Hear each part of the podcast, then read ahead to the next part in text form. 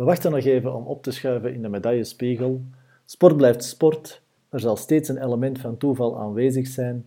En medailles komen dus nooit op bestelling. Dit geeft mij de gelegenheid om even terug te komen op de gebeurtenissen van gisteren.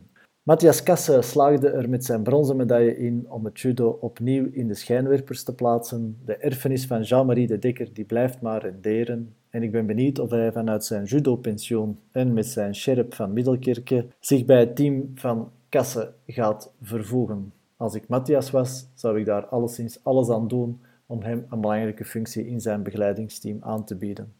Matthias, zijn fantastische prestatie geeft mij ook de kans om het even over de topsportscholen te hebben.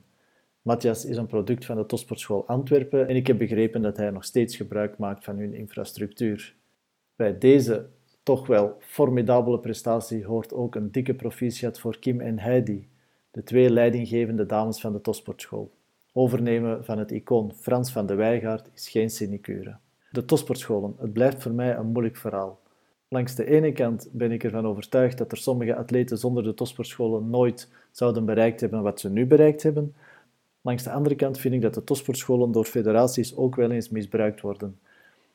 Ik vind dat er steeds ook een ander parcours moet kunnen zijn naast de topsportschool. Gelukkig zijn er ondertussen meer en meer gewone scholen die speciale statuten geven, maar het blijven de federaties die dat bepalen wie dat er zo'n statuut kijkt. En dat vind ik een foutieve situatie. Anderzijds ben ik ervan overtuigd dat dankzij de topsportscholen, want er zijn er meerdere in Vlaanderen, veel coaches de kans hebben gekregen om zich professioneel te vervolmaken.